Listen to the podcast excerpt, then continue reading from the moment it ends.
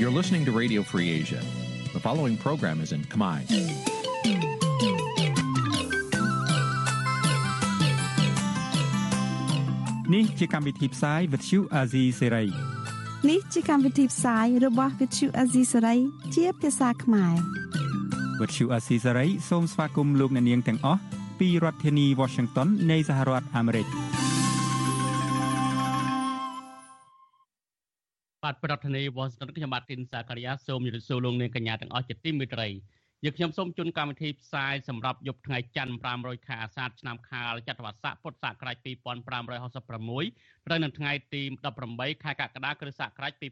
2022បាទជាដំបូងនេះសូមជម្រាបលោកនាងកញ្ញាស្ដាប់ព័ត៌មានប្រចាំថ្ងៃដែលមានមេត្តាដូចតទៅ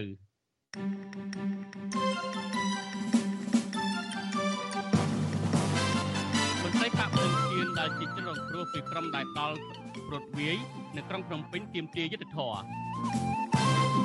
មេធាវីកញ្ញាសេងធារីត្រៀមស្នើសុំតុលាការផ្លាស់ប្តូរពន្ធនាគារ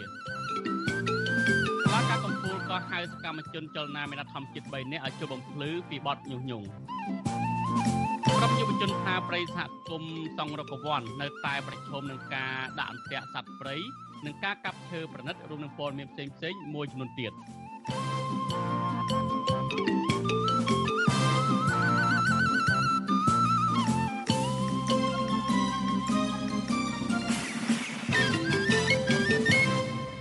បាទលោកនាយកទីមេត្រីជាបន្តទៅនេះខ្ញុំបាទសូមជូនព័ត៌មានពិស្ដា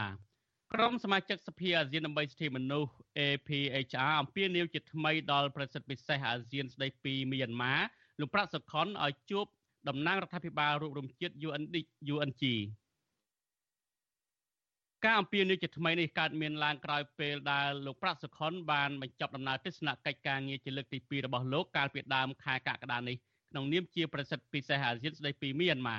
ក៏ប៉ុន្តែលោកនៅតែខកខានពុំបានជួបជាមួយមេដឹកនាំឬតំណាងណាម្នាក់នៃរដ្ឋាភិបាលរួមជាតិភូមិនៅឡើយរួមទាំងអ្នកស្រីអនសានសុជីផងដូចទៅវិញលោកប្រាក់សុខុននៅតែបន្តជួបតំណាងមេដឹកនាំរបបសឹកភូមិខុសច្បាប់តំណាងក្រុមកងកម្លាំងប្រដាអាវុធជនជាតិដើមភាគតិចនិងតំណាងគណៈបកនយោបាយមួយចំនួននៅក្នុងប្រទេសភូមា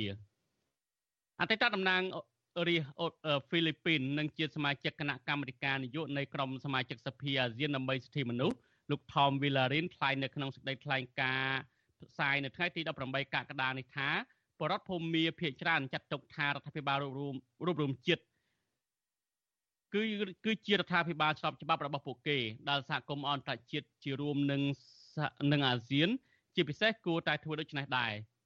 លោក Tom Villarin ថាប្រសិទ្ធ លោកថោមវីឡារិនថាប្រសិនបើលោកប្រាក់សុខុនពិតជាគិតគូរពិតប្រកាសពីការអនុវត្តកិច្ចព្រមព្រៀងជាឯកច្ឆ័ន្ទ5ចំណុចរបស់អាស៊ានមែននោះនោះលោកប្រាក់សុខុនគួរតែពិគ្រោះយោបល់ជាមួយសាធារណរដ្ឋ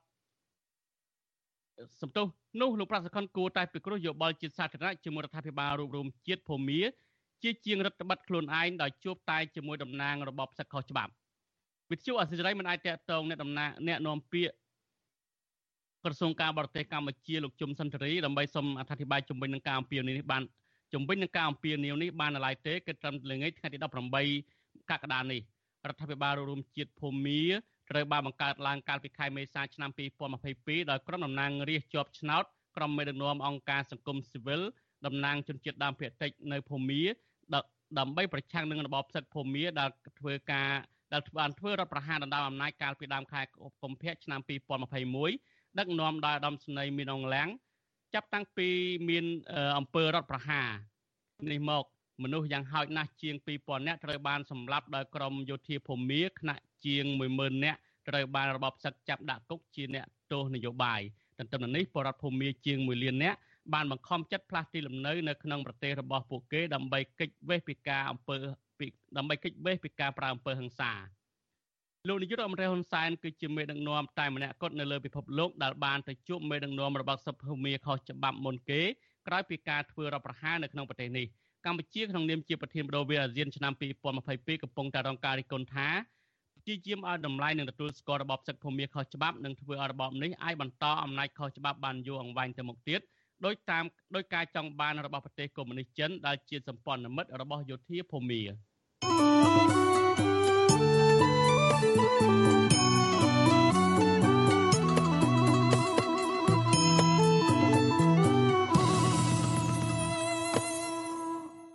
បាទលោកនាយកទីមេត្រីមន្ត្រីគណៈបកភ្លើងទៀននៅខេត្តនៅខេត្តពោធិ៍នៅខណ្ឌពោធិ៍សែនជ័យរាជធានីភ្នំពេញលោកនុលពងធិរិតដែលត្រូវចុះមិនស្គាល់មុខមួយក្រុមព្រួតវាយបណ្ដារងរបួសធ្ងន់ធ្ងរកាលពីថ្ងៃអាទិត្យម្សិលមិញអំពាវនាវដល់សមាជិកពាក់ព័ន្ធប្រញាប់ស្វែងរកជនប្រព្រឹត្តយកមកដន្ទាទោសតាមផ្លូវច្បាប់លោកបញ្ជាក់ថាឥឡូវនេះលោកព្រួយបារម្ភពីសវត្ថិភាពជាខ្លាំងមន្ត្រីប៉ូលីសអាងថាសមាជិកកំពុងតែស៊ើបអង្កេតនិងត្រូវការនឹងត្រូវការសហការពីពីចរងគ្រោះ បាទសូមលោកនាងរងចាំស្ដាប់សេចក្តីរាយការណ៍នេះនៅពេលបន្តិចទៀតនេះ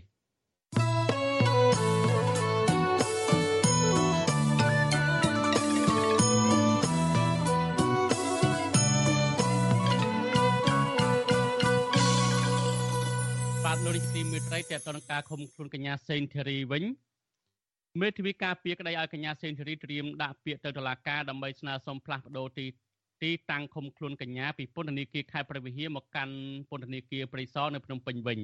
មន្ត្រីពន្ធនាគារថានឹងពិនិត្យទៅលើសំណុំរឿងនឹងពិនិត្យទៅលើការស្នើសុំផ្លាស់ប្តូរពន្ធនាគារនេះប្រសិនបើស្ថានភាពទូទៅបង្ហាញថាមិនមានផលប៉ះពាល់ទៅលើសន្តិភាពសង្គមទេនោះមន្ត្រីមន្ត្រីសង្គមស៊ីវិលជំរុញឲ្យតុលាការបញ្ជូនកញ្ញាសេងធារីមកកាន់រាជធានីភ្នំពេញវិញព្រោះការឃុំខ្លួននៅឆ្ងាយបែបនេះជាការពង្រត់កញ្ញាពីក្រុមគ្រួសារនិងមេធាវី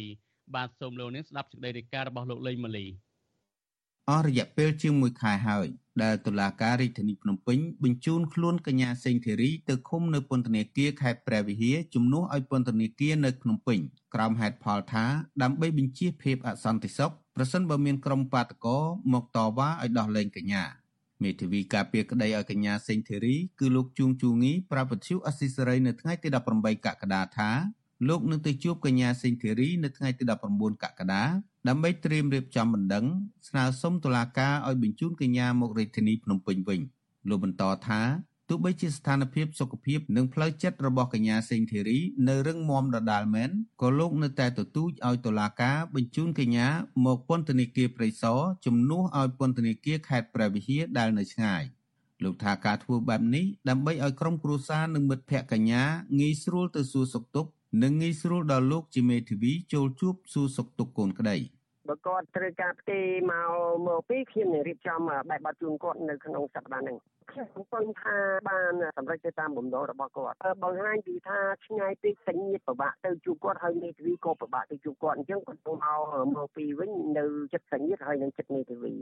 តើតើនឹងបញ្ហានេះអ្នកនាំពាក្យអគ្គនាយកដ្ឋានពន្ធនាគារនៃក្រសួងមហាផ្ទៃលោកនុតសាវណ្ណាប្រាប់វិទ្យុអស៊ីសេរីថា ការបញ្ជូនកញ្ញាសេងធីរីត្រឡប់មកពន្ធនាគារនៅក្នុងរាជធានីភ្នំពេញធ្វើទៅបានលុះត្រាតែគ្មានការប៉ះពាល់ដល់សន្តិភាពសន្តិសុខសង្គមលោកបន្តថាមន្ត្រីពន្ធនាគារនឹងសិក្សាទៅលើស្ថានភាពទូទៅ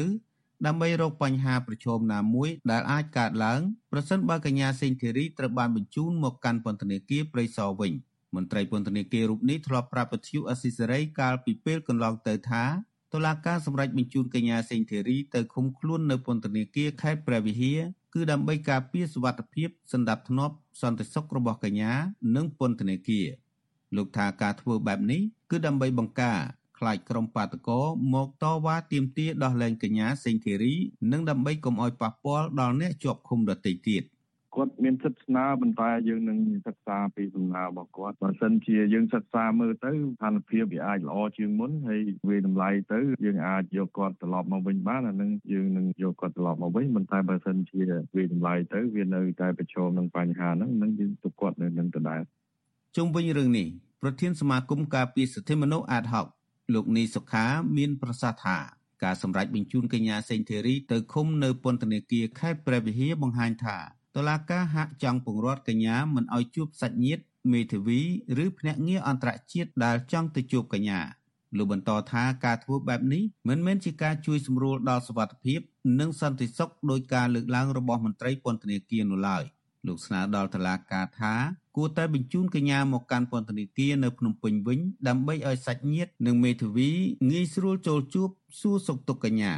អានេះហាក់បីដូចជាធ្វើនេះក្នុងន័យមួយថាកាត់ផ្ដាច់មនោសញ្ចេតនាគាត់រវាងក្រុមគ្រួសាររវាងមិត្តភ័ក្តិរវាងអីពិបាកនៅក្នុងការបង្កលក្ខណៈឲ្យក្រុមគ្រួសារទៅជួបបានអញ្ចឹងអានេះមិនមែនជាការបង្កនៅលក្ខណៈងាយស្រួលទេបើខ្ញុំមើលនៅក្នុងរូបភាពនេះគឺជារូបភាពមួយនៅក្នុងការធ្វើឲ្យគាត់ប៉ះពាល់ទៅដល់សតិអារម្មណ៍ប៉ះពាល់ទៅដល់ស្មារតីរបស់គាត់ហាក់បីដូចជាការធ្វើនឹងក្នុងន័យមួយធ្វើទុកបុកម្នេញទៅលើរូបគាត់ទៅវិញទេបាទកញ្ញាសេងធីរីគឺជាមេធាវីខ្មែរអាមេរិក ដែលត្រូវបានតុលាការកាត់ទោសឲ្យជាប់ពន្ធនាគារ6ឆ្នាំក្នុងសំណុំរឿងរួមគំនិតក្បត់ពាក់ព័ន្ធនឹងការចូលរួមសកម្មភាពជាមួយអតីតមន្ត្រីគណៈបកសង្គ្រោះជាតិកញ្ញាត្រូវបានតុលាការបញ្ជូនទៅឃុំខ្លួននៅពន្ធនាគារខេត្តព្រះវិហារកាលពីថ្ងៃទី15ខែមិថុនាគឺក្រោយពីអាជ្ញាធរចាប់ខ្លួនបានមួយថ្ងៃនៅមុនការចាប់ខ្លួនកញ្ញាបានប្រើសិទ្ធិតស៊ូមតិតតាំងនឹងការចោទប្រកាន់តាមផ្លូវតុលាការដែលកញ្ញាចាត់ទុកថាអយុត្តិធម៌ តាមរយៈការស្លៀកសម្លៀកបំពាក់ខុសៗគ្នារហូតដល់ថ្ងៃកញ្ញាត្រូវបានអាជ្ញាធរចាប់ខ្លួន។ប្រជាពលរដ្ឋនិងមន្ត្រីអង្គការសង្គមស៊ីវិលនៅតែទទូចស្នើសុំឲ្យតុលាការដោះលែងកញ្ញាសេងធីរីព្រោះពួកគេយល់ថារាល់សកម្មភាពរបស់កញ្ញាកន្លងមកគឺមិនមែនជាការញុះញង់ការចូលរួមក្បត់ដោយការចោទប្រកាន់របស់តុលាការនោះឡើយខ្ញុំបាទលេងម៉ាលីវិទ្យុអស៊ីសេរីរាយការណ៍ពីរដ្ឋធានី Washington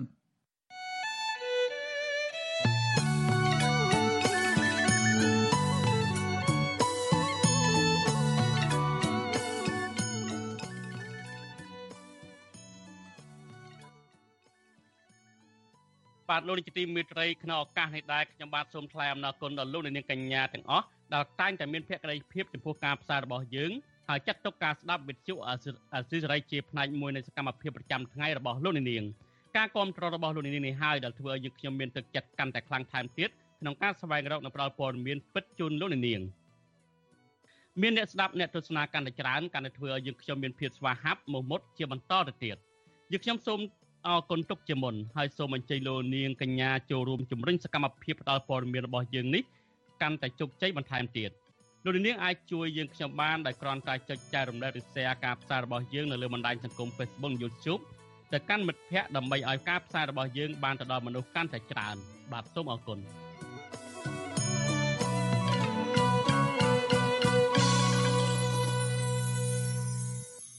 បាទលោកនាយកទីមេត្រីតកតងនឹងរឿងលួចវាយដំសកម្មជនគណៈបកភ្លើងទៀនពីក្រោយវិញមន្ត្រីគណៈបកភ្លើងទៀននៅនៅខណ្ឌពោធិ៍សិនជ័យរាជធានីភ្នំពេញលោកនុលពងធីរិតដែលត្រូវចិត្តមិនស្គាល់មុខមួយក្រុមព្រួតវាយបណ្ដារងរបួសធ្ងន់កាលពីថ្ងៃម្សិលមិញអំពាវនាវដល់សមាជិកពាក់ព័ន្ធប្រញាប់ស្វែងរកជនប្រព្រឹត្តយកមកប្រន្ទាទោសតាមផ្លូវច្បាប់លោកបញ្ជាក់ថាឥឡូវនេះលោកកំពុងតែព្រួយបារម្ភពីសុវត្ថិភាពជាខ្លាំង មន្ត្រីប៉ូលីសអះអាងថាសមត្ថកិច្ចកំពុងតែស៊ើបអង្កេតនិងត្រូវការធ្វើកិច្ចការនេះជាមួយជនរងគ្រោះបាទប្រធានាធិបតីវ៉ាស៊ីនតោនលោកមានរិទ្ធរាយការណ៍ព័ត៌មាននេះអនុប្រធានក្រុមការងារគណៈបកភ្លើងទៀនប្រចាំខណ្ឌពោធិ៍សែនជ័យលោកនុលពងធិរិតដែលត្រូវជន់មិនស្គាល់មុខមួយក្រុមមានគ្នាជិត10នាក់ព្រួតគ្នាវាយទាំងកណ្ដាលថ្ងៃកាលពីថ្ងៃទី17ខែកក្កដាស្នើឲ្យអាជ្ញាធរចាប់ជនដៃដល់មកផ្ដន់ទោសតាមផ្លូវច្បាប់ឲ្យបានឆាប់ លោកនុលពងធិរិតរៀបរាប់ប្រាវិសុយស៊ីស្រីនៅថ្ងៃទី18ខែកក្កដាថាលោកនៅឈឺចុកចាប់ត្រង់មុខរបួសនៅឡើយដោយគេមិនលក់ហើយត្រូវការសម្រាប់ព្យាបាលនៅមន្ទីរពេទ្យបន្តទៀតក៏ប៉ុន្តែលោកថាលោកត្រូវបង្ខំចិត្តចេញពីមន្ទីរពេទ្យទាំងមុខរបួសនៅមិនទាន់ធូរស្រាលនៅឡើយទៅបន្តព្យាបាលនៅផ្ទះវិញដើម្បីធានាពីសុវត្ថិភាពផ្ទាល់ខ្លួនពីព្រោះក្នុងពេលកើតហេតុក្រុមជនដៃដល់បានស្រែកគំរាមសម្លាប់រូបលោកឲ្យខាន់តែបាន ជនរងគ្រោះវ័យ50ឆ្នាំរូបនេះឲ្យដឹងទៀតថារហូតមកដល់ពេលនេះសមត្ថកិច្ចនៅមិនទាន់ផ្ដល់ដំណឹងឬបង្ហាញលទ្ធផលនៃការស្រាវជ្រាវតាមការសន្យានៅឡើយទេដើម្បីចាប់ជនល្មើសយកមកផ្ដន្ទាទោសតាមផ្លូវច្បាប់លោកនុលពងធរិតថាពេលនេះលោកកំពុងព្រួយបារម្ភអំពីសវត្ថភាពជាខ្លាំងដោយខ្លាចជនទាំងនោះត្រឡប់មកវាយលោកម្ដងទៀតខណៈជុំវិញផ្ទះរបស់លោក មានជនប្លែកមុខស្លៀកពាក់ស៊ីវិលជាច្រើនអ្នកកំពុងតាមឃ្លាំមើលលោក ដូច្នេះលោកទាមទារដល់ស្ថាប័នមានសមត្ថកិច្ចឲ្យចាប់ជនដៃដល់ទាំងនោះឲ្យបានឆាប់រហ័ស គាត់រមឃើញនឹងក្តីបារម្ភរបស់ខ្ញុំកាន់តែខ្លាំងមែនទែនសម្រាប់ជីវិតខ្ញុំព្រោះគេហ៊ានស្រែកពជាមកសម្រាប់ខ្ញុំឲ្យបានទៅហើយបានន័យថាមិនធម្មតាទេហើយជាពិសេសទៅដល់សមាជិកសមាជិកាគណៈបកភ្លើងទៀនខ្ញុំបន្តបន្តទៀតទាំងថ្ងៃនេះខ្ញុំថ្ងៃស្អែកបកគលកបកគលខលាក់នឹងលាក់ទៅយើងមើលមិនឃើញខ្ញុំនៅតែទៀមទាដដែលសូមឲ្យរាជរដ្ឋាភិបាលជាពិសេសពាក់ព័ន្ធនឹងក្រសួងមានសមត្ថកិច្ចសូមឲ្យចាប់ជនប្រព្រឹត្តល្មើសដែលបករបួសស្នាមមកលើរូបខ្ញុំក៏ដូចជាសកម្មជនផ្សេងៗរបស់គណៈបកភ្លើងទៀនយកមកកាត់ទោសនៅមុខច្បាប់ឲ្យខាងទៅបាន កាលពីថ្ងៃទី17ខែកក្កដាអនុប្រធានក្រុមការងារគណៈបកភ្លើងទៀនប្រចាំខណ្ឌពោធិ៍សែនជ័យលោកនុលពងធរិតត្រូវជន់មិនស្គាល់មុខមួយក្រុមមានគ្នាជិត10នាក់ជិះម៉ូតូប្រមាណ4គ្រឿងពាក់មួកសុវត្ថិភាពប្រដាប់ដោយដែករលាស់ព្រួតគ្នាវាយលុកនៅក្នុងផ្លូវបេតុងស្ថិតនៅក្នុងភូមិព្រៃជីសាក់សង្កាត់ចំចៅទី3ខណ្ឌពោធិ៍សែនជ័យរាជធានីភ្នំពេញគណៈមន្ត្រីរូនោះកំពុងធ្វើដំណើរទៅចូលរួមកិច្ចប្រជុំគណៈបកប្រចាំខណ្ឌ ហេតុការណ៍នៃអំពើហិង្សានោះបានបណ្ដាលឲ្យជនរងគ្រោះរងរបួសធ្ងន់ដោយត្រូវក្បាលកញ្ចឹងកនិងស្មា បណ្ដាលឲ្យឈាមហូរស្រោចពេញខ្លួន និងដេ12ធ្នេរលោកចាត់ទុកទង្វើហិង្សានេះថាគឺជាការប៉ុនប៉ងសម្លាប់និងជាការធ្វើទុកបុកម្នេញផ្នែកនយោបាយ គណៈបកភ្លើងទៀនបានចេញសេចក្តីថ្លែងការណ៍មួយកាលពីថ្ងៃទី17ខែកក្កដាថ្កោលទោសចំពោះការប្រាអំពើហិង្សាមកលើលោកនុលពងធិរិតដោយចាត់ទុកការប្រាអំពើហិង្សានោះថាគឺជារូបភាពនៃការគំរាមកំហែងផ្នែកនយោបាយដែលនឹងធ្វើឲ្យប៉ះពាល់ដល់បរិយាកាសដែលកាន់តែអាក្រក់នៅមុនការបោះឆ្នោតជ្រើសតាំងតំណាងរាស្ត្រអាណត្តិទី7ខាងមុខនេះ សេចក្តីថ្លែងការណ៍ដដែលអំពាវនាវដល់អាជ្ញាធរមានសមត្ថកិច្ចឲ្យស៊ើបអង្កេតដោយឯករាជ្យនិងមានប្រសិទ្ធភាពដើម្បីស្វែងរកចាប់ខ្លួនជនល្មើសនិងអ្នកនៅពីក្រោយខ្នងយកមកផ្ដន្ទាទោសតាមផ្លូវច្បាប់ឆ្លើយតបនឹងរឿងនេះអ្នកនាំពាក្យស្នងការដ្ឋាននគរបាលរាជធានីភ្នំពេញលោកសានសុកសីហាប្រាប់វិសុវស៊ីស្រីថាសមត្ថកិច្ចបានទទួលពាក្យបណ្ដឹងរបស់ជនរងគ្រោះរួចហើយក៏ប៉ុន្តែលោកថាខាងលោកត្រូវការកិច្ចសហការពីជនរងគ្រោះ លោកសានសុកសីហាស្នើដល់ជនរងគ្រោះនិងអ្នកសារព័ត៌មានកុំឲ្យលើកឡើងករណីហិង្សាលើសកម្មជននយោបាយកន្លងមកមកផ្សារភ្ជាប់ទៅនឹងរឿងនយោបាយដែលលោកអះអាងថានគរបាលយុតិធធនៅមិនទាន់បង្ហាញលទ្ធផលស្រាវជ្រាវនិងភ័ស្តុតាងយកមកបញ្ជាក់នៅឡើយទេពុំតាន់ស្អីឡើងករណីចេះករណីចុះបញ្ហាសំខាន់ករណីកើតឡើងចំពោះសមត្ថកិច្ចនគរបាលជានគរបាលយុទ្ធគឺយើងត្រូវមានផ្ោះតាំងច្បាស់លាស់មុននឹងធ្វើការវិភាគ ទូយ៉ាងណាជនរងគ្រោះអះអាងថាអរិយាពេលជាច្រើនឆ្នាំមកនេះគ្មានករណីណាមួយត្រូវបានអាជ្ញាធរបង្ហាញលទ្ធផលនៃការស៊ើបអង្កេតឬភ័ស្តុតាងនិងចាប់ខ្លួនជនដៃដល់យកមកផ្ដន្ទាទោសតាមផ្លូវច្បាប់នៅឡើយទេដើម្បីផ្ដោតទំនុកចិត្តនិងទប់ស្កាត់អំពើហិង្សាផ្នែកនយោបាយនោះ។ អនុប្រធានគណៈបកភ្លើងទៀនលោកថាច់សេថាថាអង្គើហឹង្សាលើសកម្មជននយោបាយរបស់លោក នៅតែកើតមានជាបន្តបន្ទាប់ដែលហាក់បង្ហាញពីបរិយាកាសមិនល្អនៅមុនការបោះឆ្នោតជ្រើសតាំងតំណាងរាស្ត្រដែលការនេះគឺផ្ទុយពីការអះអាង ពីសំណាក់ថ្នាក់ដឹកនាំរដ្ឋាភិបាលនាពេលកន្លងមកលោកថាច់សេថាថាបើសិនអាជ្ញាធរមានសមត្ថកិច្ច មិនចង់ឃើញមានមតិរិះគន់ឬការចោទប្រកាន់តាក់ទងនឹងរឿងនយោបាយនោះទេ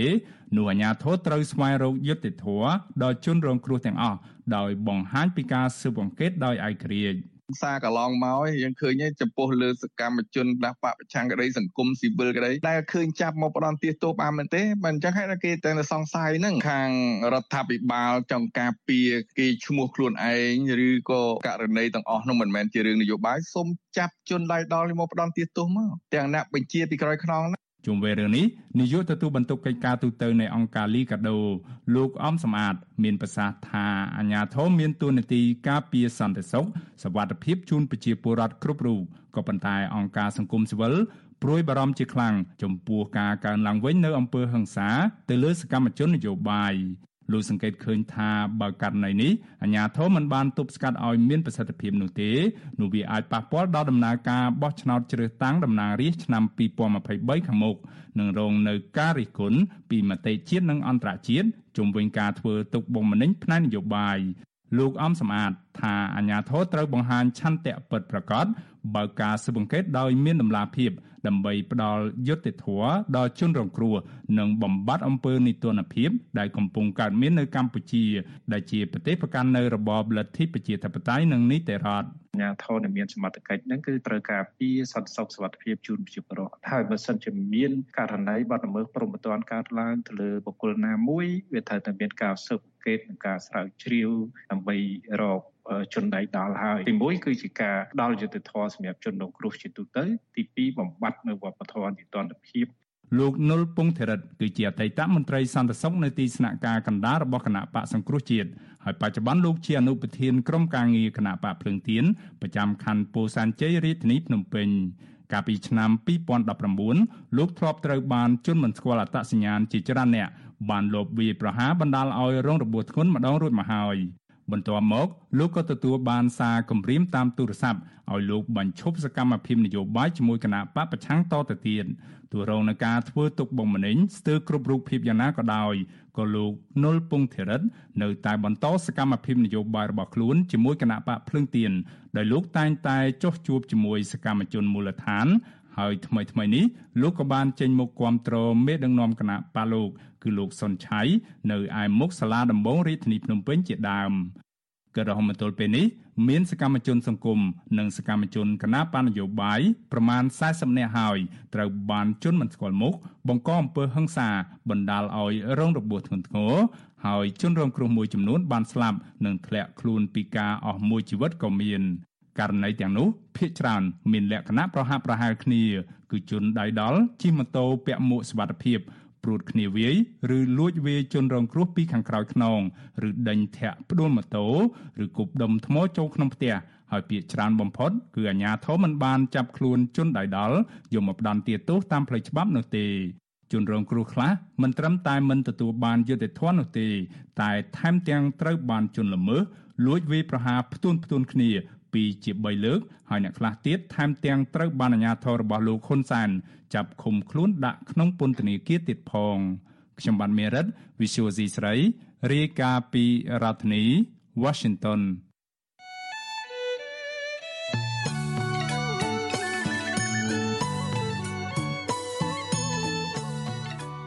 បាទលោកនាយកទីមេត្រីដំណើរគ្នានឹងការស្ដាប់ការផ្សាយរបស់វិទ្យុអសិរ័យតាមបណ្ដាញសង្គម Facebook YouTube លោកនាងក៏អាចស្ដាប់កម្មវិធីផ្សាយរបស់វិទ្យុអសិរ័យតាមរយៈរលកធាតុអាកាសខ្លីឬ Software តាមកម្រិតនិងកម្ពស់ដូចតទៅនេះពេលព្រឹកចាប់ពីម៉ោង5កន្លះដល់ម៉ោង6កន្លះតាមរយៈរលកធាតុអាកាសខ្លី12140 kHz ស្មើនឹងកម្ពស់ 25m និង13715 kHz ស្មើនឹងកម្ពស់ 22m ពេលយប់ចាប់ពីម៉ោង7កន្លះដល់ម៉ោង8កន្លះតាមរយៈរលកធាតុអាកាសខ្លី 9560 kHz ស្មើនឹងកម្ពស់ 30m 12140 kHz ស្មើនឹងកម្ពស់ 25m និង11885 kHz ស្មើនឹងកម្ពស់ 25m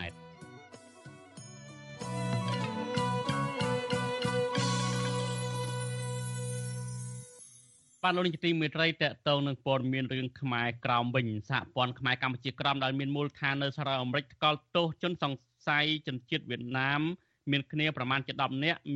បានព្រួតវាយព្រះសង្ឃខ្មែរក្រមមួយអង្គដែលនិមន្តនៅទឹកដីកម្ពុជាក្រមដើម្បីសួរសុខទុក្ខក្រុមគ្រួសារបច្ចុប្បន្នព្រះសង្ឃជាជនរងគ្រោះបាននិមន្តមកដល់កម្ពុជាវិញដោយសវត្ថភាពហើយនឹងក្រុងប្តឹងអាជ្ញាធរវៀតណាមស្នើឲ្យស៊ើបអង្កេត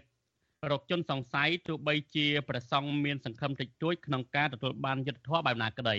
បាទពីរដ្ឋធានីវ៉ាស៊ីនតោនលោកយុនសាមៀនរាយការណ៍ព័ត៌មាននេះ ព្រះអង្គសឺនទីជាជនរងគ្រោះនៃអំពើពួនលបវាយប្រហារពីសំណាក់ជនជាតិវៀតណាម សង្ស័យថាអាញាធរវៀតណាមនៅខេត្តឃ្លៀងជាអ្នកបើកដៃឲ្យជនជាតិវៀតណាមមានគ្នាប្រមាណ10នាក់ព្រួតគ្នាវាយព្រះអង្គឲ្យមានរបួសធ្ងន់រហូតដល់ផុងលលាប្រកេះនិងមានស្នាមជួមជុំវិញខ្លួននឹងដៃព្រះអង្គសឺនទីបាននិមន្តទៅខេត្តឃ្លៀងកម្ពុជាក្រោមកាលពីថ្ងៃទី3កក្កដា និងបន្តគង់ជួបជុំគ្រួសារនិងធ្វើបុណ្យតាមវត្តមួយចំនួន រហូតដល់ល្ងាចម៉ោងប្រមាណ8យប់ថ្ងៃទី12កក្កដាទើបធ្វើដំណើរទៅជិះរថយន្តឈ្នួលមកកម្ពុជាវិញប៉ុន្តែព្រះអង្គទៅមិនទាន់ដល់ចំណតរថយន្តឈ្នួលផងក៏មានជនជាតិវៀតណាមនាំគ្នាយកទុយោទឹកវាយសំពងលើព្រះអង្គតែម្ដងព្រះអង្គសឺនទីសង្ស័យថាអាញាធរវៀតណាមសងសឹកព្រះអង្គដោយសារតែព្រះអង្គប្រើបណ្ដាញសង្គមបង្ហោះព័ត៌មានខ្លះ ពាក់ព័ន្ធរឿងប្រវត្តិសាស្ត្រនិងការរំលោភសិទ្ធិខ្មែរកម្ពុជាក្រោមអមអានេះការគម្រាមកំហែងដើម្បីឲ្យកុំឲ្យតវ៉ាឬមួយ share ទៅ Facebook ដែលពាក់ព័ន្ធនឹងខ្មែរកម្ពុជាក្រមដែលអាញាធិបតេយ្យវៀតណាមហ្នឹងគេគៀបសង្កត់ហ្នឹងជាងទៅថាគេមិនអោយយើងធ្វើជាងទៀតអានឹងគេទៅការគេមិនជិញនេះអើប៉ុន្តែសកម្មភាពដែលគេធ្វើហ្នឹងដើម្បីគម្រាមកំហែងយើងខាងហ្នឹងដែលទី1ទី2គេមិនចង់ឲ្យយើង ទៅណាដើម្បីថាមានរឿងរ៉ាវដល់ដល់គេអញ្ចឹងអាញាធរវៀតណាមនៅខេត្តឃ្លៀងមិនទាន់បង្ហាញលទ្ធផលនៃការស៊ើបអង្កេតការវាយប្រហារលើព្រះសង្ឃខ្មែរកម្ពុជាក្រោមនៅឡើយទេរហូតដល់ថ្ងៃទី18កក្កដាប៉ុន្តែអះអាងថាករណីហិង្សានេះអាចជារឿងគំនុំផ្ទាល់ខ្លួននេះមិនមែនជាលើកទី1ដែលអាញាធរវៀតណាមធ្វើទុកបុកម្នេញព្រះអង្គសឺនទីទី កាលពីដើមឆ្នាំ2020អាញាធរវៀតណាមនៅខេត្តឃ្លៀង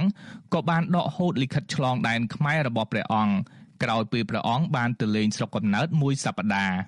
អាញាធរវៀតណាមបានចោទព្រះអង្គថាបានចែករំលែកសារតាមរយៈបណ្ដាញសង្គម Facebook ស្ដីពីបញ្ហារំលោភសិទ្ធិពលរដ្ឋខ្មែរក្រោមដែលកំពុងរស់នៅលើទឹកដីកំណើតរបស់ខ្លួនវៀតណាមបានចាត់ទុកការផ្សព្វផ្សាយនេះថាជាទង្វើខុសច្បាប់និងប្រមានឲ្យព្រះអង្គបង់ប្រាក់ពិន័យជាង1000ដុល្លារ ទោះបីជាយ៉ាងណាវៀតណាមសុកចិត្តប្រគល់លិខិតឆ្លងដែនឲ្យព្រះអង្គស៊ិនទីវិញក្រោយមានកិច្ចអន្តរាគមន៍ពីក្រសួងការបរទេសកម្ពុជាព្រះអង្គសឺនទីបដិញ្ញាចិត្តថាព្រះអង្គនឹងវិលត្រឡប់ទៅដាក់ពាក្យបណ្ដឹងនៅកម្ពុជាក្រោមវិញដើម្បីទាមទារយុត្តិធម៌ទោះបីព្រះអង្គមានសង្ឃឹមទទួលបានយុត្តិធម៌តិចតួចក្តីដើម្បីកុំឲ្យវៀតណាមអាចសម្លុតបំភ័យខ្មែរក្រោមមិនឲ្យហ៊ានទៅលេងស្រុកកំណើតដើម្បីជួបជុំសាច់ញាតិ មកកាន់សូមអំពាវនាវដល់អាញាធរវៀតណាមជាពិសេសខាងបងប្អូនខ្មែរកម្ពុជានៅក្រៅពីនឹងជួយតស៊ូមតិប្រាប់អន្តរជាតិនឹងថាខ្មែរក្រមតៅនឹងគេធ្វើបាបអញ្ចឹងហើយតើអាញាធរវៀតណាមនៅដោះសារអានទៀតអញ្ចឹងទេថ្ងៃណាមួយខ្មែរក្រមផ្សេងទៀតញ៉ាំគ្រឿងលើសនឹកលើសពីនឹងគឺមើលដល់គ្រោះថ្នាក់ដល់ជីវិតអីហ្នឹងជាងតែអាញាតែងតែយល់ លេះថានឹងករណីបន្តខ្លួនអ្នកនឹងអ្នកនឹងគេគុំគួននឹងជាងទៅគេគេធ្វើបាបក៏ប៉ុន្តែជាក់ស្ដែងខាងអាញាធរវៀតណាមនឹងអ្នកគេរៀបចំខ្លួនឯងទេគេថាយើងមានគំនុំគុំគួនជាមួយនឹងណាផ្សេងអញ្ចឹងទេមានតែបងឃើញនៅក្រៅប្រទេសដែលដឹងច្បាប់ទម្លាប់នឹងតតស៊ូខ្នាតអន្តរជាតិដើម្បីកុំឲ្យប្រទេសវៀតណាមធ្វើឲ្យយើងទៀតពាក់ព័ន្ធទៅនឹងការប្រើប្រាស់អំពើហិង្សាវាយលើព្រះសង្ឃខ្មែរកម្ពុជាក្រោមនេះដែរ ប្រធាននាយកដ្ឋានព័ត៌មានសហព័ន្ធខ្មែរកម្ពុជាក្រោមព្រះភិក្ខុសឹងយើងរតនាថ្កោលទោសអាញាធរវៀតណាមដែលព្រះអង្គអះអាងថាជាអ្នកនៅពីក្រោយការវាយប្រហារព្រះសង្ឃខ្មែរក្រោមដែលនិមន្តទៅលេងស្រុកកំណើតព្រះអង្គអំពាវនាវឲ្យមានការស៊ើបអង្កេតនិងផ្ដល់យុត្តិធម៌ដល់ជនរងគ្រោះនៃអំពើហិង្សានេះបសហព័ន្ធខ្មែរកម្ពុជាក្រមសូមអំពាវនាវចំពោះអាជ្ញាធរវៀតណាមត្រូវតែគោរពសិទ្ធិចំពោះ ប្រសង់ខ្មែរក្រមសិទ្ធិចំពោះបរតខ្មែរក្រមដែលនិមន្តនិងអញ្ជើញទៅពីប្រទេសកម្ពុជាក្តីទៅពីក្រៅប្រទេសក្តីទៅភូមិស្រុកកំណើតរបស់ខ្លួននៅលើទឹកដីកម្ពុជាក្រមនឹងគឺអាជ្ញាធរវៀតណាមត្រូវមានភារកិច្ចការពារសវត្ថិភាពការពារនៅអំពើអហិង្សាទៅលើបរតខ្មែរក្រមទៅលើប្រសង់ខ្មែរក្រមដែលនិមន្តទៅពីក្រៅប្រទេសបប្រថាប្រសង់ ខ្មែរក្រមក្តីបរតខ្មែរក្រមក្តីជាម្ចាស់ស្រុកចិនជាតិដើមដូច្នេះហើយមានសិទ្ធិសេរីភាពគ្រប់គ្រាន់នៅក្នុងការនិមន្តនិងអញ្ជើញទៅស្រុកកំណើតរបស់ខ្លួននឹងបការប្រើប្រាស់អំពើហិង្សាវាយប្រហារលើព្រះសង្ឃខ្មែរកម្ពុជាក្រោមនេះកើតឡើងស្របពេលដែលវៀតណាមកំពុងសុំធ្វើជាសមាជិកក្រុមប្រឹក្សាសិទ្ធិមនុស្សរបស់អង្គការសហប្រជាជាតិក្នុងរយៈពេល3ឆ្នាំពីឆ្នាំ2023ដល់ឆ្នាំ2025 វៀតណាមសន្យាថាប្រសិនបើប្រទេសនេះអាចក្លាយជាសមាជិកស្ថាប័នសិទ្ធិមនុស្សកម្ពុជានេះប្រទេសនេះនឹងលើកដំកើងធម្មនុញ្ញអង្គការសហប្រជាជាតិច្បាប់អន្តរជាតិនិងពង្រឹងស្ថាប័នក្រមប្រឹក្សាសិទ្ធិមនុស្សតាមរយៈកិច្ចសហការសន្ទនានិងការគោរពគ្នាទៅវិញទៅមកទោះបីជាយ៉ាងណាសហព័ន្ធខ្មែរកម្ពុជាក្រោមមិនមានជំនឿលើការសន្យានេះទេហើយសហព័ន្ធកំពុងធ្វើយុទ្ធនាការនៅលើឆាកអន្តរជាតិ ដើម្បីជំរុញឲ្យប្រទេសជាសមាជិកនៃអង្គការសហប្រជាជាតិកុំបោះឆ្នោតគាំទ្រវៀតណាម ជាសមាជិកក្រុមប្រឹក្សាសិទ្ធិមនុស្សខ្ញុំយុនសាមៀនវិទ្យុអាស៊ីសេរីប្រធានាធិបតី Washington បាទលោកជាទីមេត្រីតកតងនឹងសំណុំរឿងសកម្មជនចលនាមេដាធម្មជាតិដែលកំពុងតែជាប់បណ្ដឹងនៅតុលាការវិញតុលាការកំពូលចេញនៃការកោះហៅសកម្មជនចលនាមេដាធម្មជាតិ3នាក់ឲ្យជួបបំភ្លឺក្នុងសំណុំរឿងបទញុះញង់នៅថ្ងៃទី22កក្កដាខាងមុខនេះ សកម្មជនចលនាមេដាធម្មជាតិលោកថនរដ្ឋាស្នើដល់តុលាការកំពូលឲ្យទម្លាក់ចោលបទចោទប្រកាន់ដើម្បីផ្ដល់យុត្តិធម៌ដល់សកម្មជនទាំង3នាក់វិញ។មន្ត្រីសង្គមស៊ីវិលចាត់ទុកការកោះហៅនេះថាជាការរំខានដល់សកម្មភាពសកម្មជនបរិស្ថានហើយស្នើសុំឲ្យតុលាការទម្លាក់ចោលគ្រប់បទចោទប្រកាន់ទាំងអស់បាទលោកជីវិតារីកាពុតមីនីសកម្មជនចលនាមេដាធម្មជាតិទាំង3នាក់ដែលតុលាការកំពូលកោះហៅនោះមានកញ្ញាភួនកៅរស្មីកញ្ញាលងគុន្ធា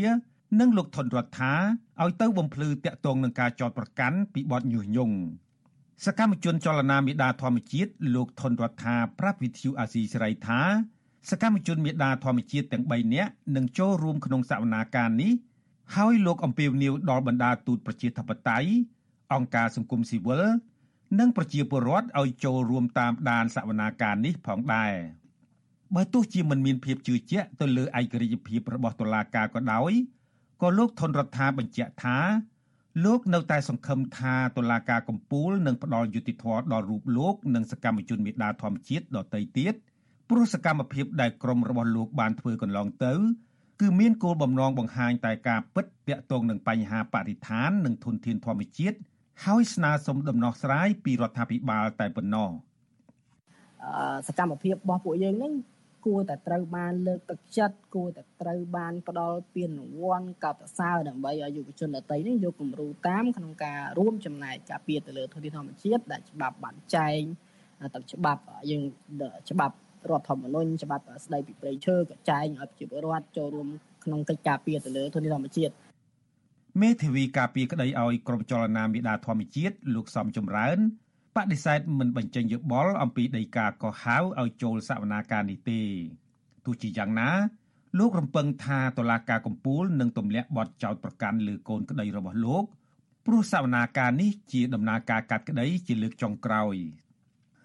មិនមានយោបល់ទេព្រោះជាការដឹកដល់វាសវនាការលើកចុងក្រោយនេះទៅស្ដីហ្នឹងហើយដើម្បីស្វែងរកយុទ្ធសាស្ត្ររឿងហ្នឹងណាហ្នឹងហើយ អ្នកនាំពាក្យសមាគមអាត6លោកសង្សានករណាប្រាប់វិទ្យុអាស៊ីសេរីថាអង្គការសង្គមស៊ីវិលតែងតែចូលរួមសវនាការរបស់សកម្មជនមេដាធម្មជាតិហើយលើកនេះសមាគមអាត6ក៏នឹងចូលរួមស្ដាប់សវនាការលើរឿងក្តីនេះបន្តទៀតលោកយល់ថាការបំពេញការងាររបស់សកម្មជនចលនាមេដាធម្មជាតិកន្លងទៅ គឺជាការបំពេញកាតព្វកិច្ចក្នុងនាមជាយុវជនល្អដើម្បីការពារបរិស្ថាននិងធនធានធម្មជាតិតែប៉ុណ្ណោះ ហើយលោកស្នើដល់តុលាការឲ្យទម្លាក់រាល់បទចោទមកលើសកម្មជនចលនាមេដាធម្មជាតិយើងក៏ទទូចឲ្យមានការឃ្លាំមើលនិងតាមដានករណីរបស់ពួកគាត់បន្តទៀតដែរដើម្បីជាការលើកទឹកចិត្តទៅដល់អ្នកដែលបានលះបង់ដើម្បីកិច្ចការងារសង្គមកិច្ចការងារការពារបរិស្ថាននិងទុនធានធម្មជាតិឯងបាទសកម្មជនចលនាមេដាធម្មជាតិកញ្ញាលងគុន្ធា កញ្ញាភួនកៅរស្មី និងលោកថនរដ្ឋាត្រូវបានសាលាឧទ្ធរក្រុងភ្នំពេញសម្រេចព្យួរទោស6ខែនៅថ្ងៃទី5វិច្ឆិកាឆ្នាំ2021ក្រោយពីពួកគេបានជាប់ពន្ធនាគារ1ឆ្នាំ2ខែពីបទញុះញង់ប៉ុន្តែការនោះសកម្មជនទាំង3នាក់មិនទាន់មានសេរីភាពនៅឡើយទេដោយពួកគេត្រូវនៅជាប់បទចោទរួមគំនិតក្បត់ជាមួយសកម្មជនចលនាមេដាធម្មជាតិ3នាក់ផ្សេងទៀត នៅថ្ងៃទី12ខែវិច្ឆិកាឆ្នាំ2021ដដែលទើបសកម្មជនចលនាមេដាធម្មជាតិទាំង6នាក់ទទួលបានការដោះលែងឲ្យនៅក្រៅឃុំបណ្ដោះអាសន្នរហូតមកដល់ពេលនេះក្រោយពីការដោះលែងឲ្យនៅក្រៅឃុំបណ្ដោះអាសន្ននៅថ្ងៃទី12ខែវិច្ឆិកាឆ្នាំ2021នោះមកក្រុមសកម្មជនចលនាមេដាធម្មជាតិទទួលបានពានរង្វាន់2 គឺពានរង្វាន់អ្នកការពារសិទ្ធិមនុស្សឆ្នើមប្រចាំឆ្នាំ2021ពីបណ្ដាញអង្គការសង្គមស៊ីវិលក្នុងប្រទេសកម្ពុជា និងមួយទៀតគឺជាពានរង្វាន់អ្នកការពារជួរមុខពីអង្គការ Frontline Defender ចំពោះភាពក្លាហាននិងការហ៊ានប្រថុយប្រឋានគ្រោះថ្នាក់ដើម្បីការពារបរិស្ថានក្នុងប្រទេសកម្ពុជាខ្ញុំជីវិតាអាស៊ីសេរី បាទលោកនាយកទីមេត្រីគណៈកម្មាធិការជំនាញនៃរដ្ឋសភានឹងពិនិត្យមើលសេចក្តីស្នើកែរដ្ឋធម្មនុញ្ញនៅថ្ងៃអង្គារស្អែកនេះយ៉ាងតក់ក្រហល់បន្ទាប់ពីទទួលបានពីរដ្ឋាភិបាលអ្នកនាំពាក្យរដ្ឋសភាឲ្យកសែតក្នុងស្រុកដឹងថាសេចក្តីស្នើវិសោធនកម្មរដ្ឋធម្មនុញ្ញនេះជាការប្រញាប់មេបកប្រឆាំងលោកសំរងស៊ីចាត់ទុកការស្នើការរដ្ឋធម្មនុញ្ញនេះមិនមែនជាការចាំបាច់ហើយគ្មានចំណេញអ្វីដល់ជាតិនោះទេលោកអះអាងថាការស្នើការរដ្ឋធម្មនុញ្ញនេះជាការកាត់បន្ថយអំណាចសភាហើយការធ្វើនេះ លោកហ៊ុនសែនគ្រាន់តែចង់រៀបចំទុកជាមុនសម្រាប់ផែនការផ្ទេរអំណាចឲ្យកូនតែប៉ុណ្ណោះចុះសម្រាប់នៃវិភាគវិញមានទស្សនៈបែបណាចំពោះការស្នើសុំការរដ្ឋធម្មនុញ្ញបែបនេះបាទសូមលោកនេះរងចាំទស្សនាបទសម្ភាសជាមួយខ្ញុំបាទនឹងលោកបណ្ឌិតសេនស៊ូរីអំពីបញ្ហានេះនាពេលបន្តិចទៀតនេះបាទសូមអរគុណ បាទលោកនាយកទីមេត្រីរដ្ឋាភិបាលបានកំណត់ឲ្យបង់ប្រាក់សធននិវត្តសម្រាប់វិស័យឯកជននិងត្រូវចាប់ផ្ដើមអនុវត្តចាប់ពីខែតុលាឆ្នាំ2022ខាងមុខនេះតទៅរដ្ឋាភិបាលបានកំណត់ប្រាក់សោធននិវត្តរយៈពេល5ឆ្នាំដំបូងគឺភាគីកម្មករនិយោជិតត្រូវបង់ជាប្រចាំខែចំនួន2%នៃប្រាក់ខែគោល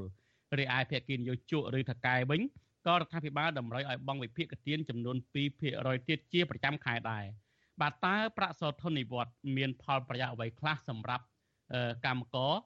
និងនយោជកបាទឥឡូវនេះយើងបានភ្ជាប់ទៅលោកអាត់ថុនដែលជាប្រធានសម្ព័ន្ធសហជីពប្រជាធិបតេយ្យកម្មករកាត់ដេរកម្ពុជាស៊ីកាឌូនិងជាប្រធានសហភាពការងារកម្ពុជាបាទខ្ញុំបាទសូមអរគុណសូមជម្រាបសួរលោកអាត់ថុនបាទបាទបាទសូមជម្រាបសួរលោកទីនសាកាយាបាទ បាទអរគុណច្រើនដែលលោកបានចូលរួមផ្ដល់បទសម្ភាសន៍នៅពេលនេះលោកអាត់ថុនអឺឃើញថាថ្មីថ្មីនេះរដ្ឋាភិបាលបានចេញអនុក្រឹត្យកំណត់ឲ្យវិស័យឯកជននឹងគឺត្រូវបង់ប្រាក់អសរធននិវត្តដែរហើយតើការដែលកំណត់ឲ្យវិស័យឯកជនផ្ដល់ឬក៏ប្រាក់សោធននិវត្តនេះហើយដល់ចាប់អនុវត្តពីខាងលោកលោកលោក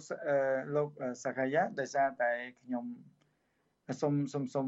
call ម្ដងទៀតដោយសារតែទូរស័ព្ទខ្ញុំមានបញ្ហាបន្តិចបាទបាទបាទបាទអរគុណអត់អីលោកបាទខាងបច្ចេកទេសនឹង call ទៅលោកអធុនវិញម្ដងទៀតបាទលោកនាយកទីមេត្រីដោយដែលខ្ញុំបានជម្រាបជូនអំបញ្ញមិញនេះអញ្ចឹងគឺថាវិសពីមុនមកយើងដឹងហើយថារដ្ឋាភិបាលបានឲ្យប្រាក់សោធននិវត្តន៍ហ្នឹងទៅដល់មន្ត្រីរាជការតែឥឡូវនេះរដ្ឋាភិបាលបានកំណត់ជាថ្មីហើយទើបតែបានចេញអនុក្រឹត្យ ការពីពេលថ្មីថ្មីនេះហើយដែលនឹងកំណត់ឲ្យខាងវិស័យឯកជនហ្នឹងគឺជាបុគ្គលិកឬក៏កម្មករអីហ្នឹងបងប្រាក់សោធននិវត្តន៍សម្រាប់ទុកនៅពេលដែលសំទោសនៅពេលដែលខ្លួន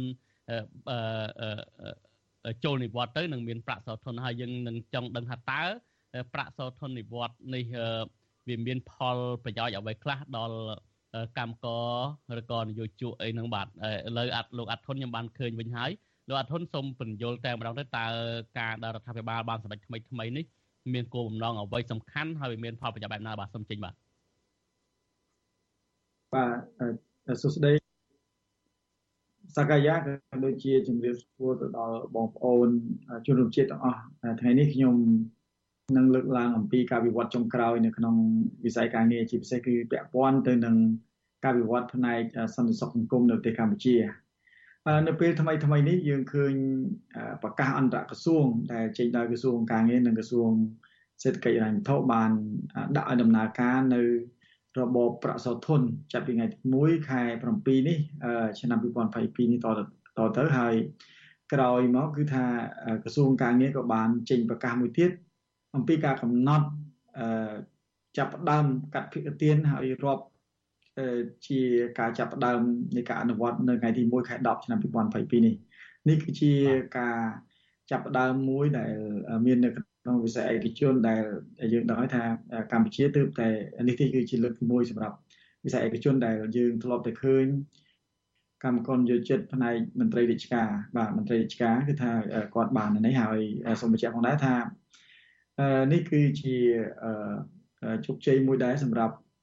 ខាងសហជីពដែលយើងបានតស៊ូមតិយូរដែលមានការពន្យាពេលជាហោហែជាពិសេសគឺនៅក្នុង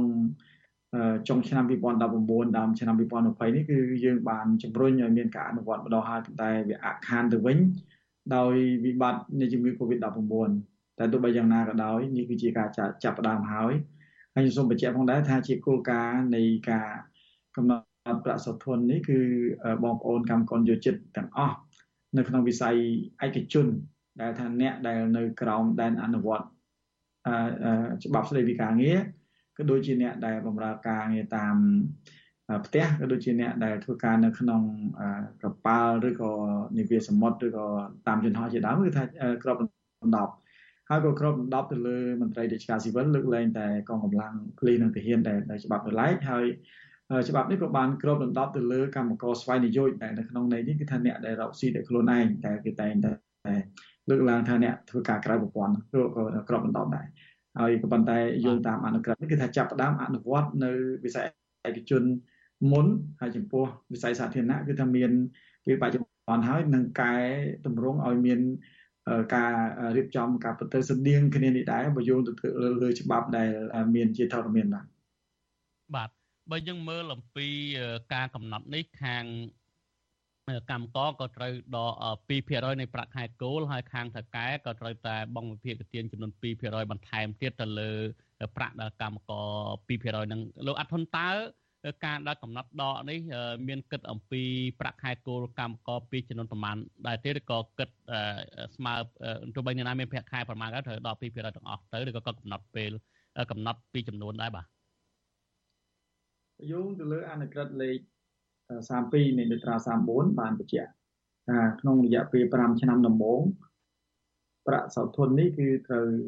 ស្មើ4%ដែលនិយោជកត្រូវបង់50%ហើយខាងកម្មករយោចិត្តបង់50%មានន័យថា2%ម្នាក់ហើយនៅ5ឆ្នាំបន្ទាប់ប្រាក់នេះទៅត្រូវឡើងដល់ទៅ8%ហើយជារៀងរាល់10ឆ្នាំម្ដងត្រូវឡើង2.5%រហូត ទៅដល់អតីតភាពនៅការងារឬក៏ចំនួនឆ្នាំនឹង100ឆ្នាំនេះគឺគោលការណ៍ហើយប្រាក់ពេលបច្ចុប្បន្ននេះ តាមបារ៉ែនដែលក្រុមដែលខាងបេឡាជាតិរបបសន្តិសុខសង្គមដែលកំណត់នោះគឺថាទាបបំផុត100ដុល្លារហើយខ្ពស់បំផុត300ដុល្លារ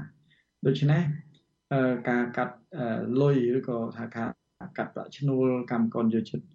និងនយោជកនេះគឺទៅតាមមាត្រា ប្រាក់ខែរបស់កម្មករយោជិតបើសិនជាប្រាក់ខែគាត់100គឺគេកាត់ពីភាគរយស្មើ2ដុល្លារប៉ុន្តែបើប្រាក់ខែគាត់300គេកាត់2%វាស្មើ6ដុល្លារក៏ប៉ុន្តែបើសិនជាប្រាក់ខែគាត់1000ដុល្លារឬក៏លើសពី300ដុល្លារហ្នឹងមានន័យថាគេកាត់ត្រឹម300ដុល្លារតែប៉ុណ្ណោះហើយ ceiling ឬក៏ខ្ពស់បំផុតនេះអាចនឹងមានការប្រែប្រួលទៅតាមស្ថានភាពនៃចលនាប្រាក់ខែរបស់កម្មករយុវជននៅក្នុងប្រទេសកម្ពុជាអាចនឹង កើនឡើងទៅ400 500ឬ1000អាស្រ័យទៅលើស្ថានភាពជាក់ស្ដែងនៃការវិវត្តនៅនៅក្នុងប្រទេសកម្ពុជាផងដែរបាទអញ្ចឹងមានន័យថាអ្នកដែលមានប្រាក់ខែក្រោមពី100ដុល្លារគឺអត់ទាន់កាត់ទេមានន័យថាទោះបីយើងមានប្រាក់ខែត្រឹមតែ10 20ដុល្លារក៏គេកាត់នៅក្នុងរង្វង់100ដុល្លារដែរហើយបើសិនជាយើងមានប្រាក់ខែលើសពី100ដុល្លារ300ដុល្លារក៏គេកាត់ត្រឹមហ្នឹងក្នុងមិនន័យថាទៀតបំផុត គឺប៉ុណ្ណេះហើយខ្ពស់បំផុតគឺប៉ុណ្ណោះប៉ុន្តែគេមានការកំណត់ជាជាគោលមួយព្រោះកាលណា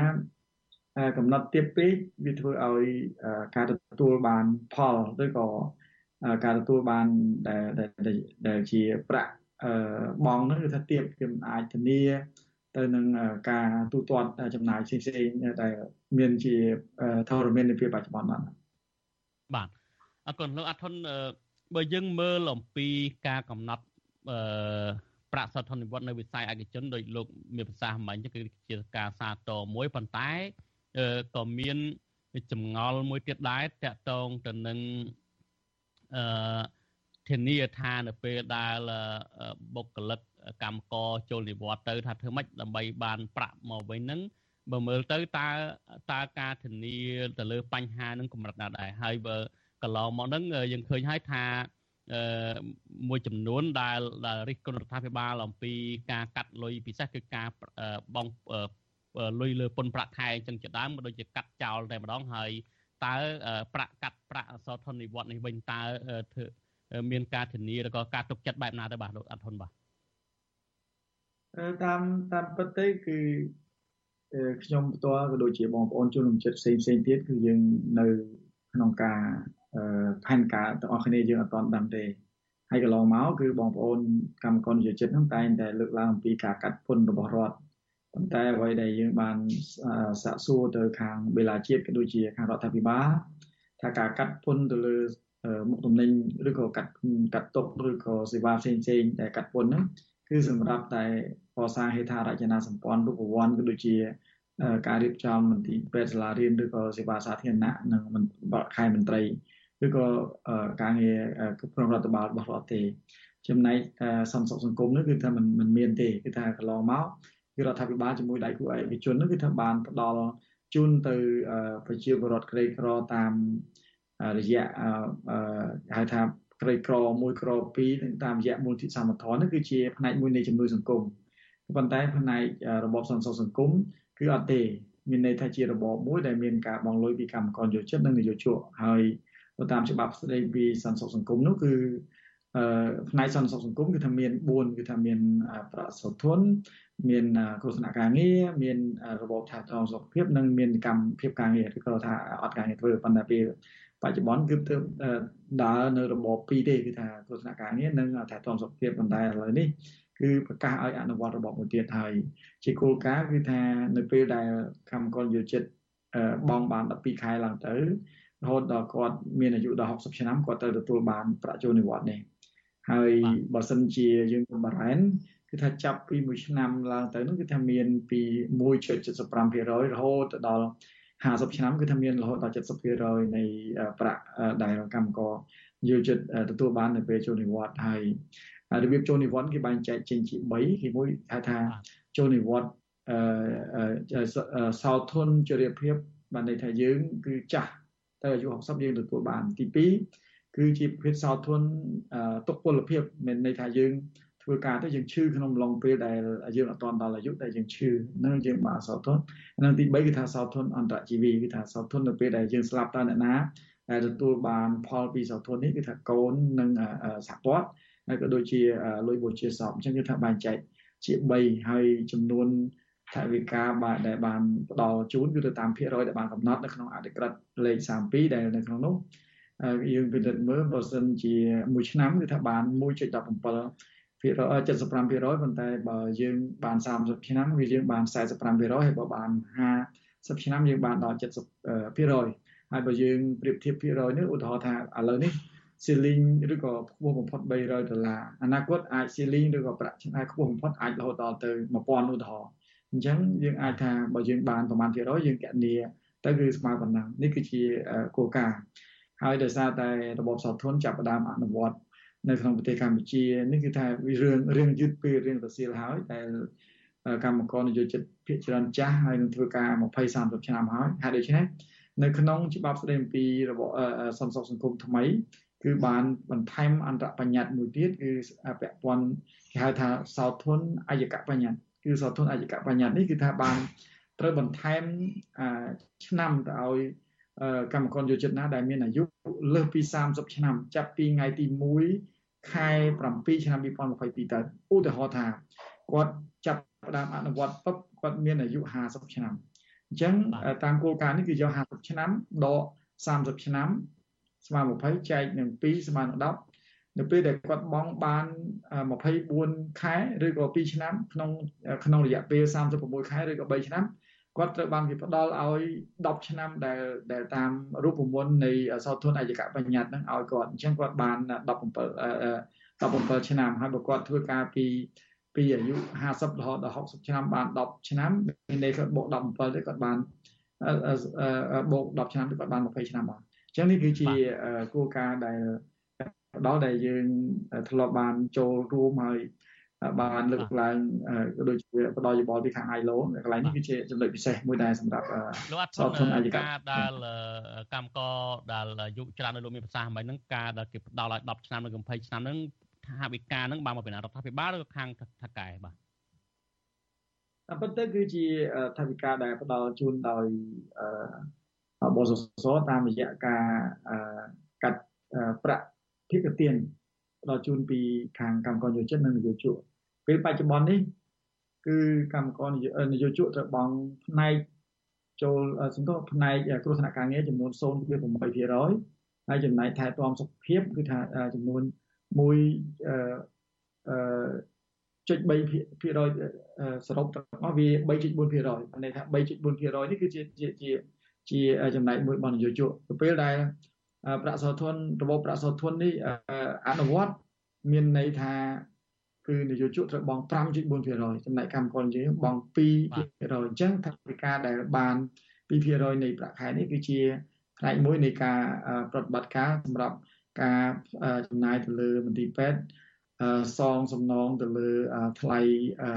ចុះសម្រាប់ជំងឺប្រចាំថ្ងៃវិភាគផ្សេងផ្សេងនិងតើការលឹកផ្សេងផ្សេងទៅតាមច្បាប់កំណត់ដែរបាទ អរគុណលោកអធុនសងមួយនាទីចុងក្រោយនេះតើប្រាក់សោធននិវត្តសម្រាប់វិស័យឯកជននិងមន្ត្រីរាជការនេះខុសគ្នាបែបណាទៅបាទនៅពេលបច្ចុប្បន្ននេះមន្ត្រីរាជការគឺអាចថាមានប្រាក់ចូលនិវត្តន៍ដោយរដ្ឋាភិបាលបង់ប៉ុន្តែយោងទៅតាមច្បាប់ស្តីពីសន្តិសុខគុំថ្មីគឺថាមន្ត្រីរាជការក៏ត្រូវបង់មានកាតព្វកិច្ចដូចនាយកជនដូចជាវិស័យឯកជនដែរហើយចំពោះអ្នកនៅសេដ្ឋកិច្ចក្រៅប្រព័ន្ធសំទោសអ្នក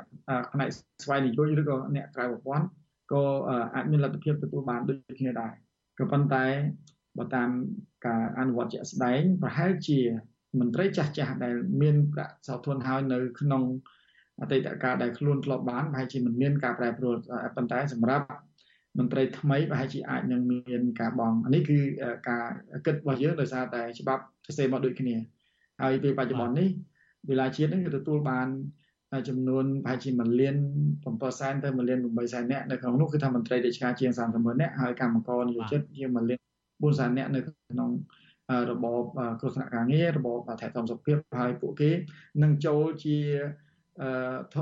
ចូលរបបសោធនអូតូម៉ាទិកតែចំណែកកម្មករដែលមិនបានចុះឈ្មោះដាច់ខាតត្រូវតែមកចុះឈ្មោះបបដូច្នោះទេគាត់នឹងមិនបានសោធនទេហើយដូច្នេះគឺយើងអំពាវនាវដល់យោជកក៏ដូចជា អ្នកគ្រប់គ្រងទាំងអស់បើចង់ឲ្យសមាជិករបស់ខ្លួនបានទទួលរបបសោធននិវត្តដោយកម្មករដតីដាក់ទៀតដែរគួរតែគុំលាក់កម្មករឲ្យគុំពុកឬថាត្រូវតែចុះឈ្មោះដើម្បីឲ្យគាត់នឹងបានទទួលសេវាដែរហើយចំពោះសោធនអាយកបញ្ញត្តិគឺគេមានរយៈកាលតែ3ឆ្នាំតែប៉ុណ្ណោះហើយបើក្នុងរយៈពេល3ឆ្នាំมันបានបងរយៈពេល24ខែទេមានន័យថាមិនបានអសោធនអាយកបញ្ញត្តិដែលថាឆ្នាំបន្ថែមមកទេហើយដូច្នេះ ខ្ញុំគិតថាទាំងកម្មករគួរស្ទុះស្ទាដើម្បីឲ្យមានការចុះបញ្ជីជាសមាជិកឲ្យបានលឿនតែតាមអាចធ្វើទៅបានដែរអរគុណច្រើនលោកអធនខ្ញុំចាំអារម្មណ៍នឹងលោកអធនដល់ថាខាងតកែមួយចំនួនបានលាក់កម្មករនេះចំណាំបាត់តែសារយើងអស់ពេលហើយខ្ញុំនឹងសង្ឃឹមនឹងសម្ភារលោកអធនអំពីបញ្ហានេះបន្ថែមទៀតបាទអរសូមអរគុណច្រើនលោកអធនដែលបានចូលរួមបាទសូមជម្រាបលាបាទបាទសូមជម្រាបលា បាទលោកទីមេត្រីតកតងនឹងប្រិយសហគមន៍រុកវ័នវិញក្រុមយុវជនឲ្យដឹងថានៅក្នុងប្រិយសហគមន៍នេះនៅតែប្រឈមនឹងការដាក់អន្ទាក់ចាប់សត្វព្រៃការបាញ់សត្វព្រៃនិងការកាប់ឈើប្រណិតនៅតែបន្តកើតមានពួកគេទាមទាររដ្ឋាភិបាលពង្រឹងសមត្ថភាពអនុវត្តច្បាប់ឲ្យបានតឹងរឹងនិងច្បាស់លាស់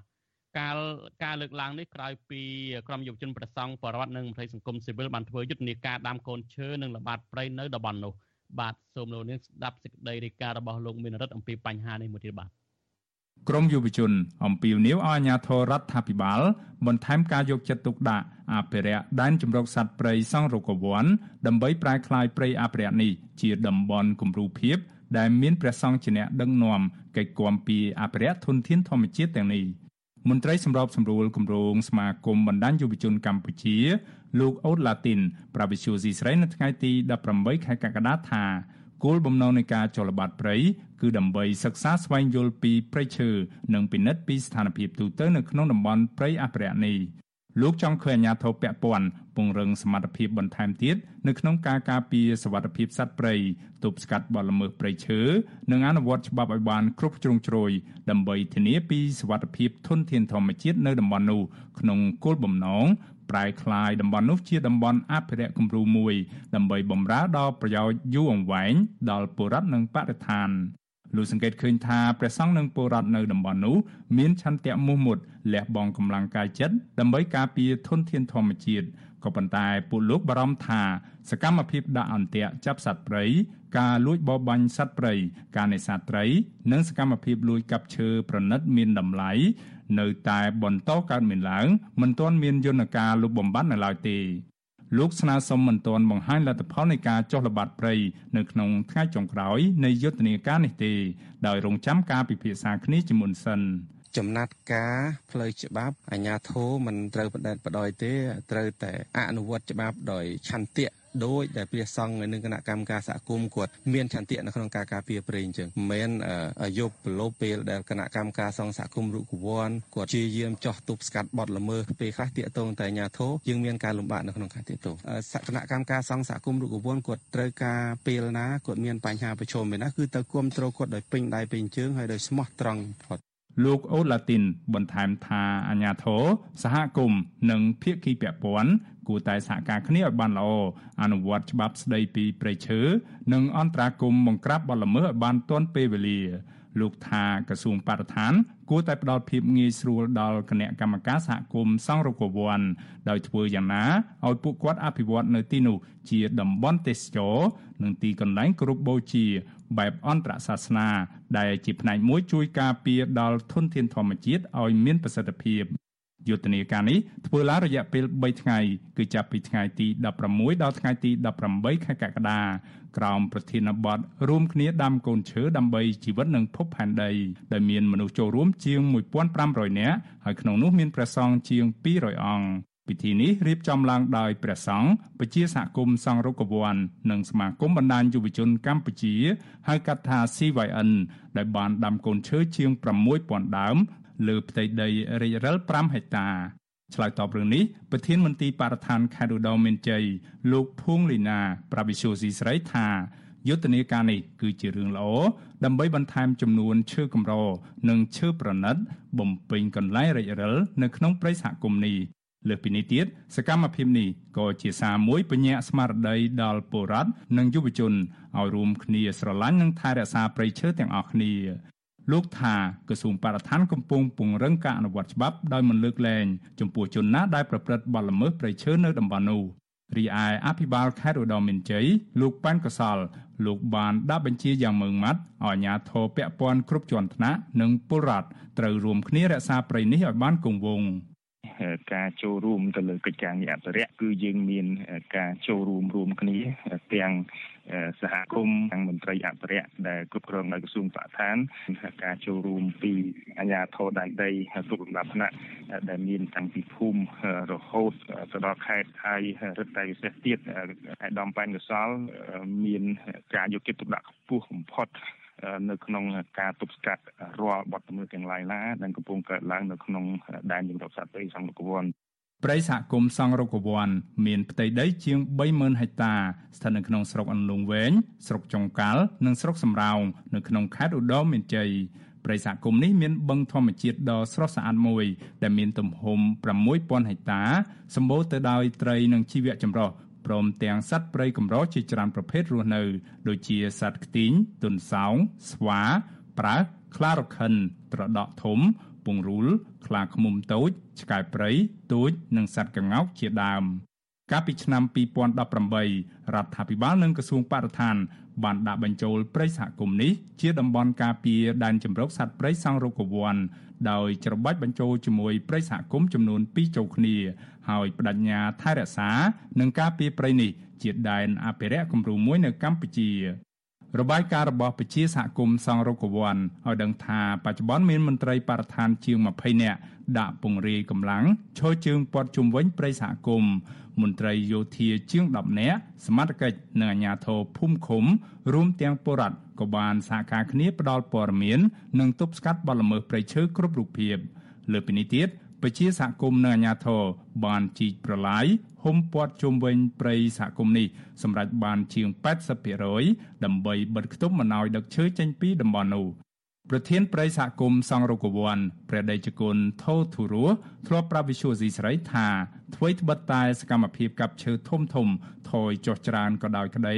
ក៏ប៉ុន្តែសកម្មភាពលួចបរបាញ់សត្វនិងដាក់អន្ទាក់ចាប់សត្វព្រៃនៅតែកើតមានដដែល ហើយសហគមន៍កំពុងស្វែងរកយន្តការដោះស្រាយ